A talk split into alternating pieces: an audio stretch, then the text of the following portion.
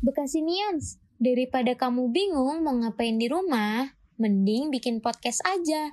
Caranya gampang. Tiga rekam suara kamu, upload, dan Anchor.fm akan langsung mendistribusikannya ke beberapa platform lain secara gratis. Nah, platform Anchor ini menjadi salah satu solusi mudah untuk para podcaster dalam pendistribusian podcastnya agar lebih terkenal dan dapat menjangkau pendengar lebih luas lagi. Fitur-fiturnya juga beragam, mulai dari penambahan efek audio, support pendengar, dan yang terpenting, kamu bisa dapetin penghasilan dari podcast kamu loh. Ayo tunggu apa lagi? Langsung aja coba platform Anchor ini. Download aplikasinya melalui Google Play Store dan Apple Store atau kunjungi websitenya di anchor.fm. Hai Bekasinians, selamat datang di Nyokcast, tempat obrolan seru dengan narasumber yang tentunya menarik. Halo Bekasinians, apa kabar nih? Semoga kita semua dalam keadaan sehat jasmani dan rohani ya. Welcome back di Nyokcast by Bekasi Keren bersama gue Vira. Dan di podcast kali ini tentunya gue nggak sendirian. Walau hati ini lagi sepi sih, karena mau ajak Bekasinians buat ngobrol bareng nih gue akan ditemani sama partner gue yaitu Dela Zahra. Halo Dela, apa kabar?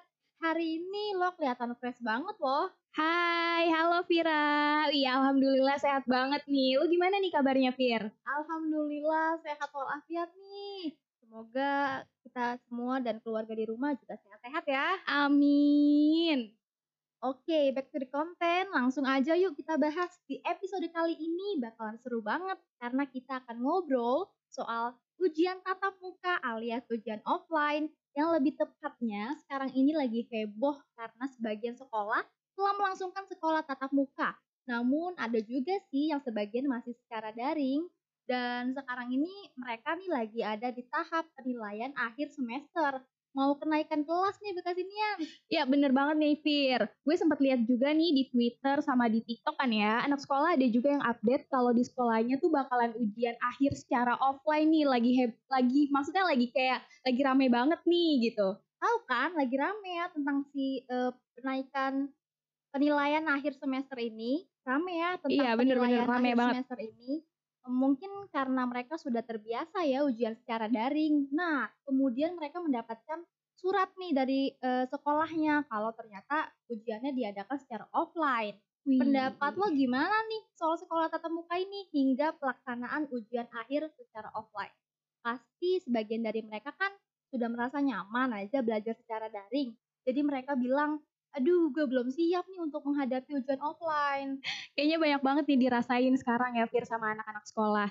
Karena sebelumnya kan untuk sekolah tatap muka itu pasti ada kebijakan resminya ya, kayak harus lebih hati-hati, terus pelaksanaan protokol kesehatan kesehatannya juga harus ketat, terus sifatnya juga yang masih dinamis nih, tergantung uh, dari keadaan. Yang paling utama juga seluruh pendidik dan guru itu emang diwajibin banget nih buat ngelakuin yang namanya vaksinasi ya menurut gue wajar aja sih kalau udah mulai tatap muka. Yang penting kan sesuai ya sama aturan pemerintah. Yang penting aman lah pokoknya. Lagian juga mau sampai kapan nih? Kita daring terus kalau emang udah bisa dijalanin offline. Ya menurut gue normal aja sih kalau mereka agak kaget. Karena kan harus beradaptasi lagi ya sama kondisi yang secara real. Ketemu sama teman ketemu sama guru. Terus sama pembelajarannya juga kayaknya bakalan beda banget nih dari tahun-tahun sebelumnya. Tuh uh, kira-kira ada nggak sih adik lo atau sepupu lo yang lagi duduk di bangku sekolah uh, dan lo suka nanya nggak sih gimana perasaannya balik lagi ke sekolah secara normal? Adik gue emang lagi sekolah juga sih. Yang pasti yang biasa dia bangun siang, terus ini sekarang dia harus bangun pagi kan. Terus yang biasanya dia kalau seandainya ngerjain tugas bisa nanya sama orang tua, bisa nanya sama kakak. Kali ini dia emang bener-bener harus ngerjain sendiri kan di sekolah. Terus udah gitu kalau seandainya lagi ujian, yang biasanya dia bisa nyontek di handphone atau nyontek dari buku. Kali ini kan bener-bener ada pengawasnya nih kalau seandainya offline. Ngomongin ujian itu emang masa-masa sangat menegangkan ya, sekaligus juga butuh persiapan super biar ujian lo sukses. Dan harapannya sih apa yang udah lo pelajari akan keluar soalnya gitu kan. Tapi kadang-kadang tuh ya, apa yang udah kita belajar nih, biasanya tuh nggak keluar pas kita lagi ujian. Entah gue nya yang emang lagi nggak hoki, apa gimana ya. Tapi kalau seandainya kita lagi nggak belajar, nggak tahu kenapa tuh kayak ilmunya tuh ada yang nyantol aja gitu. Tapi giliran kita belajar, kok soalnya kenapa beda? Ya dari kisi-kisi yang pernah dikasih sama guru. Zong ya, zong. Iya bener banget. Nah, itu dia, bener juga. Yang penting kita udah effort aja lah ya. Hasilnya gimana nanti, yang penting pede dulu aja. Ya bener-bener. Jurus jitunya apa tuh kalau udah mentok gak tahu jawabannya? Kalau gue sih biasanya nih ya, kalau seandainya pilihan ganda, ya paling siapa sih yang nggak pernah nih ngelakuin yang namanya hitung kancing kan kayak cap cip cup tang ting tung dari A B C sampai D sampai E bahkan tapi ya pasti diusahain juga lah buat jawabannya yang paling oke gitu loh Atau bisa juga gak sih minta kode jawaban ke temen? Ya bener banget samping kanan kiri terus juga eh, kalau kondisinya memungkinkan karena tuh biasanya pengawas eh, ruangan gue Killer. iya bener killer killer banget terus suka mondar mandir gitu ngawasinnya sumpah serem banget kalau dia udah natap wah udah langsung gue nggak berani tuh lihat ke kanan kiri segala macam Nengok langsung dikira mau nyontek. Iya, Padahal ya bener-bener. emang gue pengen pegel aja gitu, pengen peregangan otot. Terus taktik nyontek apa sih yang biasanya bi- lo lakuin? kayaknya nggak boleh ditiru deh kalau yang ini. Tapi gue mau sekedar cerita aja. Biasanya tuh dulu gue kalau zaman SMP atau SMK gue selalu bawa tisu ditaruh di uh, apa sih namanya tempat pensil gitu. Terus di dalamnya tuh ada jawabannya gitu tapi dilipat-lipat atau enggak gue tuh kalau lagi ulangan suka bawa papan kayu. Soalnya kalau Papan kayu. iya bener. Soalnya kalau papan kayu itu kita bisa nulis jawabannya tuh di situ Betul, tanpa ketahuan sama si guru gitu loh. Tulisnya kayak pensil terus kecil-kecil gitu kecil-kecil kan. terus udah gitu kalau abis ulangan bisa dihapus lagi kan. Ada gak sih temen lo atau bahkan pri- pengalaman pribadi lo nih ke gap saat nyontek dan apa hukumannya? ada pernah sempet waktu itu eh, pas gue SMK ada yang sempat ke gap nyontek dia tuh biasanya dirobek kertasnya. Atau enggak biasanya ya paling disuruh keluar dari ruangan sih itu doang. Kayaknya normal sih semua sekolah kayak gitu ya Ya yang penting ya biar jerah aja gitu ya untuk eh, siswa yang lain Mm-mm. agar ya mereka nggak melakukan yang hal, hal yang sama karena kan itu perbuatan buruk. Kemudian eh, berarti lo tuh tipe orang yang berani atau takut buat nyontek nih? Alasannya kenapa? Kalau gue sendiri nih ya, jujur gue tipikal orang yang takut sih sebenarnya buat nyontek. Karena nggak tahu kenapa ya, walaupun uh, gurunya tuh udah baik, udah pengen ngasih buat kayak peluang kita buat nyontek tanpa dia ngomong pun, gue tuh kayak masih deg-degan aja gitu, takut tiba-tiba langsung diambil kertasnya atau gimana ketahuan nyontek kan. Nah kalau dari diri lu sendiri gimana nih Fir? Lo tipe orang yang kayak gimana? Em, gue tipe orang yang takut untuk nyontek karena di saat mata pelajaran yang emang gue udah ngerasa eh, bukannya sih tapi lebih ke aduh gue nggak sanggup atau gue pasrah jadi gue untuk gue coba untuk buat contekan tapi itu semua nggak berguna karena nggak gue pakai karena alasannya adalah ya gue nggak berani Bener bener bener. Padahal kita tuh udah naruh contekan walaupun di kertas yang kecil-kecil gitu tapi nggak kepake gitu loh. gue berpikir tuh kalau gue buka ya itu gue langsung ke gap gitu padahal sih ada celah cuma ya emang anaknya takutan aja Iya gitu bener kan. banget. Apa sih tanggapannya kalau ada temen yang ditanya lo udah belajar terus dia jawabnya belum nyentuh buku sama sekali nggak taunya pas hasilnya keluar dapet 100 Waduh, jangan begitu lah. Maksudnya kayak ya lo kalau mau ngumpulin ya cobalah kita kong kali kong dulu bisa kali ya sama teman kelas gitu.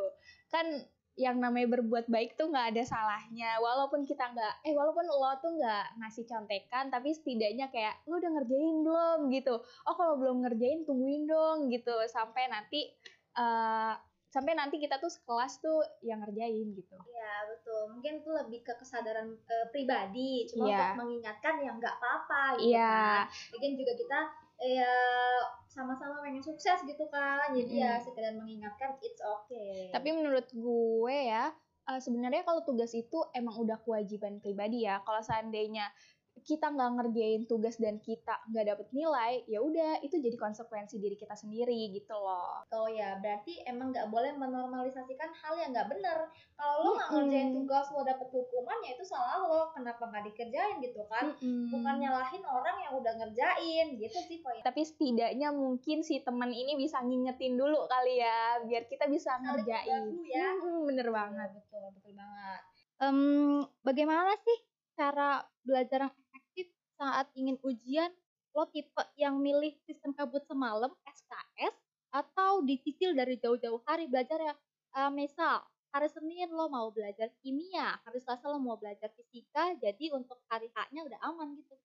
Kalau gue sendiri ya, gue sendiri tuh tipe orang yang bener-bener kebut semalam. Gue nggak bisa kalau seandainya belajar dari jauh-jauh hari, karena tahu kenapa nggak pernah nyantol gitu. Jadi gue malamnya biasanya eh, gue nulis dulu catatannya, terus gue subuh bangun nih jam 3. Kan biasanya kita kalau masuk sekolah jam 7. Gue jam 3 sampai jam 7 tuh gue belajar dulu biar masih fresh gitu loh belajarnya. Nah kalau lo sendiri gimana nih, Fir? Lo tipe orang yang kayak gimana?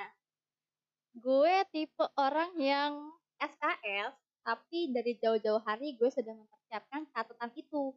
Kecuali kalaupun emang eh, lagi ya mager lah atau ya gue belum ada niat samsek gitu buat Hmm. ngerjain itu tugas atau ngerjain itu ujian. Jadi ya memang eh, gue bakalan sistem ke- kejar semalam. Jadi gue kebut semalaman dan ya alhamdulillah hasilnya. Hasilnya apa? Alhamdulillah. Alhamdulillah cukup.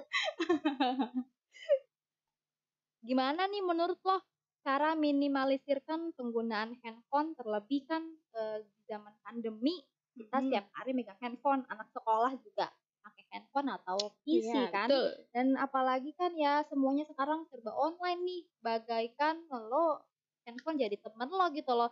Kayak lo nggak megang handphone sedetik aja nyariin gitu. Gimana sih biar kita bisa efektif nih buat belajar?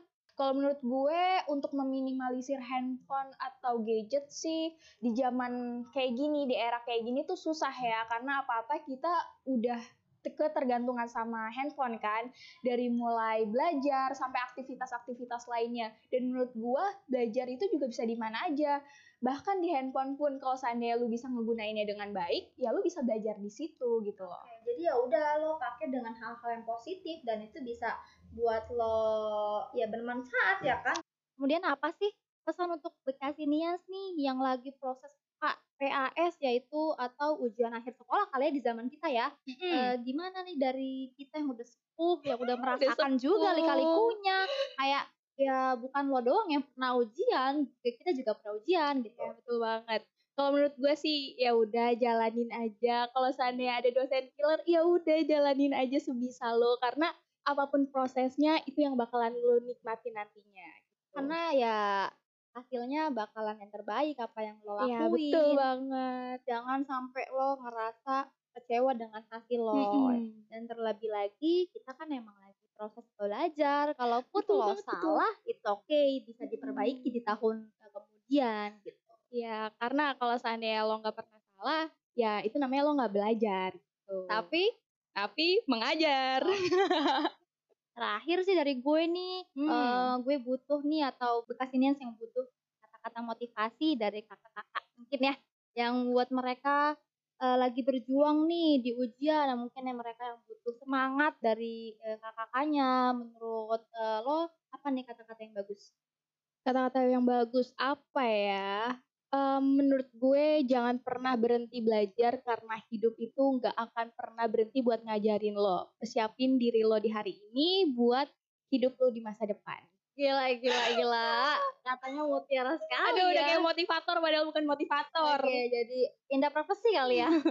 nah, itu dia obrolan kita hari ini mengenai transformasi pas offline versi anak sekolah zaman now dari dia proses eh, melaksanakan PAS sampai liku-likunya. Hmm. Gak kerasa juga nih, kita udah ngobrol banyak dan saatnya selesai siaran kali ya. Aduh cepet banget ya, udah selesai aja.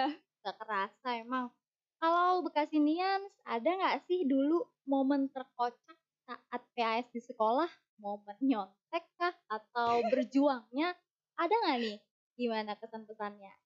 Oke, tetap dengerin Nyokes dan tunggu kita di episode selanjutnya ya. Gue Vira pamit undur diri.